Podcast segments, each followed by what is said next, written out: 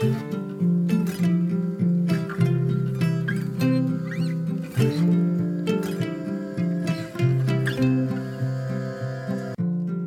och välkommen till For Health med Anna Sparre.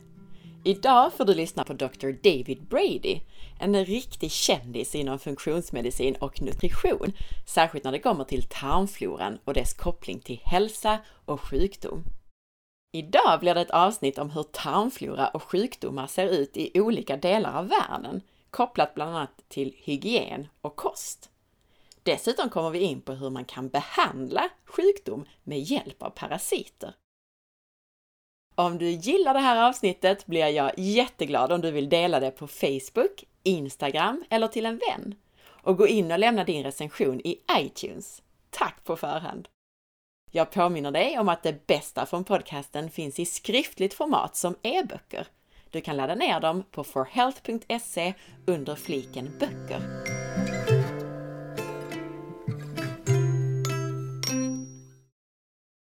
Idag blir det alltså ett avsnitt där du får vara med och lyssna in på delar av en kurs om tarmflora och avföringstester som David Brady höll för läkare och terapeuter i samarbete med Nordic Labs.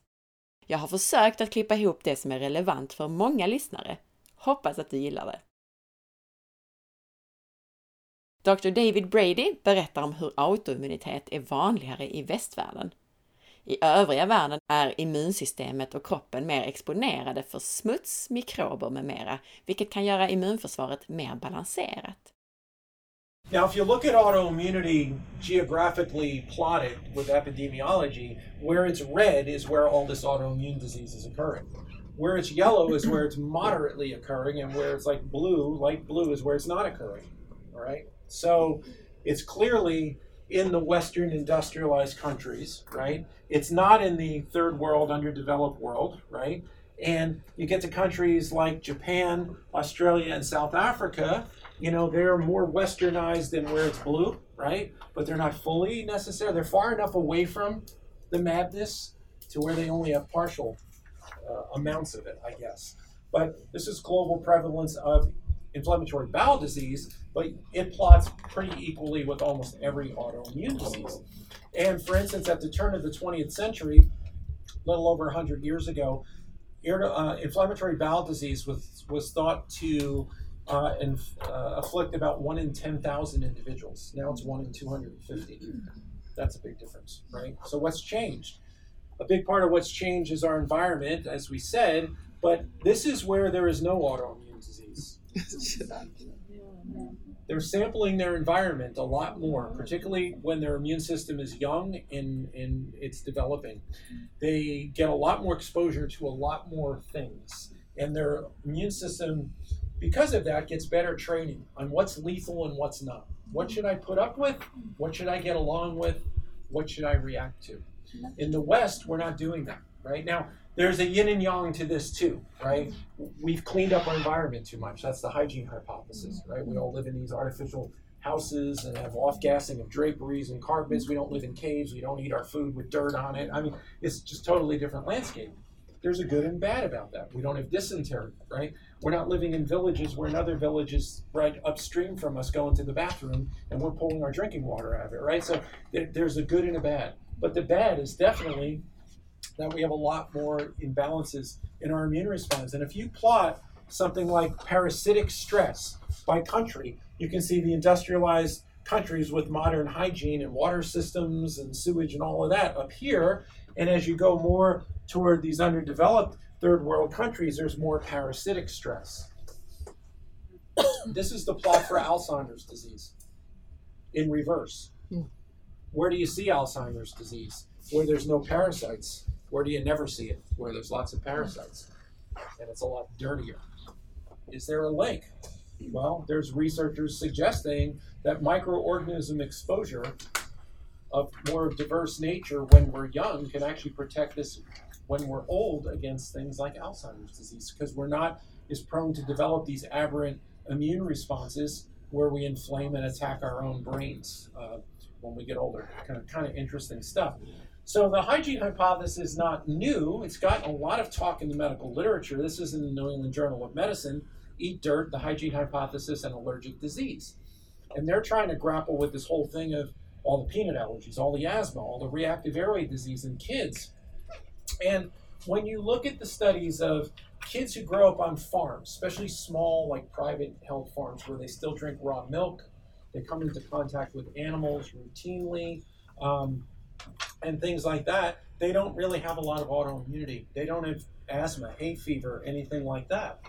Um, they're just different than kids who grow up in suburbs and then kids that grow up in cities. So urban, suburban, and rural upbringings change your immune response. And they've actually worked out where the mechanistic like characteristic changes are in the immune response.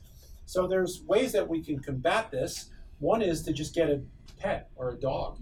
So if kids have a dog or a cat or pets, they get more exposure when they're growing up. Let kids get dirty, right? A lot of mothers are afraid to let their kids crawl on the ground. They're scrubbing them with antibacterial soap every five minutes. They're like clean freaks. They're obsessed about it, right? You want the kids to get dirty. We have a stream in our backyard in the lake, right? And when my kids were young, they'd come to the back door sometimes, and you have to hose them off to find out they were our kids. Brady berättar nu om det som kallas för Helminth therapy, vilket innebär att vi behandlar sjukdomar med parasiter. Because of this, they've turned to actually using parasites as therapy. Here's uh, suis, which is pig whipworm. And when you give helminths, large worms that have been eradicated from most of our guts in the West, uh, at least for the most part, um, when you give them again, you induce regulatory T cell changes, you change innate immune responses, cytokines, interleukins, you change the intestinal flora in a positive way, and you block effector, um, effector T cell proliferation or immune amplification. So helminths have a multitude of beneficial effects on the immune response in the gut. Why is this? Because they learned to live with us for millions, uh, hundreds of thousands of years at least, right? The helminths don't want to kill us, most of them. They want to feed off of us, right? So they want to get in our guts. They want to survive. So they're complicated large organisms they put out chemical mediators that actually suppress our immune response locally in the gut so they can survive. And they feed off, you know, they take some of our nutrition along the way. They don't want to kill us.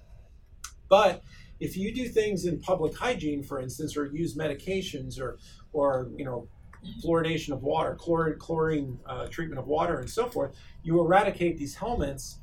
It took hundreds of thousands of years for our immune response to react to the helminths who were suppressing the immune response. We raised it up to, to find this equilibrium, thinking the helminths would be there, right? Now, if you pull the helminths away and the suppressive force goes away, your immune set point's too hot. It's too aggressive on everything, right? Because you've taken away the dampening agent. This happened in a blink of an eye with modern hygiene in the last hundred years, right? More so even in the last 50 or 60 years. Our immune response to that takes a lot longer to happen over time. So they've tried to rein, reintroduce helminths, and this is a European medication, Ovamed. Do you have it over here? Are you, you familiar with it? It's Trichuris suis. It's actually an approved uh, pharmaceutical agent for IBD, for uh, Crohn's, and for colitis, or also colitis. It's not approved in the United States. Um, even though there's lots of data that's come out of the United States, this is researchers at Duke uh, University showing incredible results with parasitic therapy uh, in inflammatory bowel disease, even in patients who were non-responsive to tradition to conventional therapies. Um, but it's just not being used. It's not being promoted very much by pharma. It's not being um, trained to physicians to use it.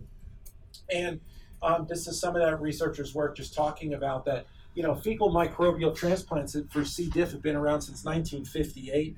Helminth therapy for Crohn's since 2005. Helminth therapy for multiple sclerosis in 2007. But it's not getting a lot of traction because there's not a lot of big pharma money behind it, and it's not in the training paradigm of clinical medicine.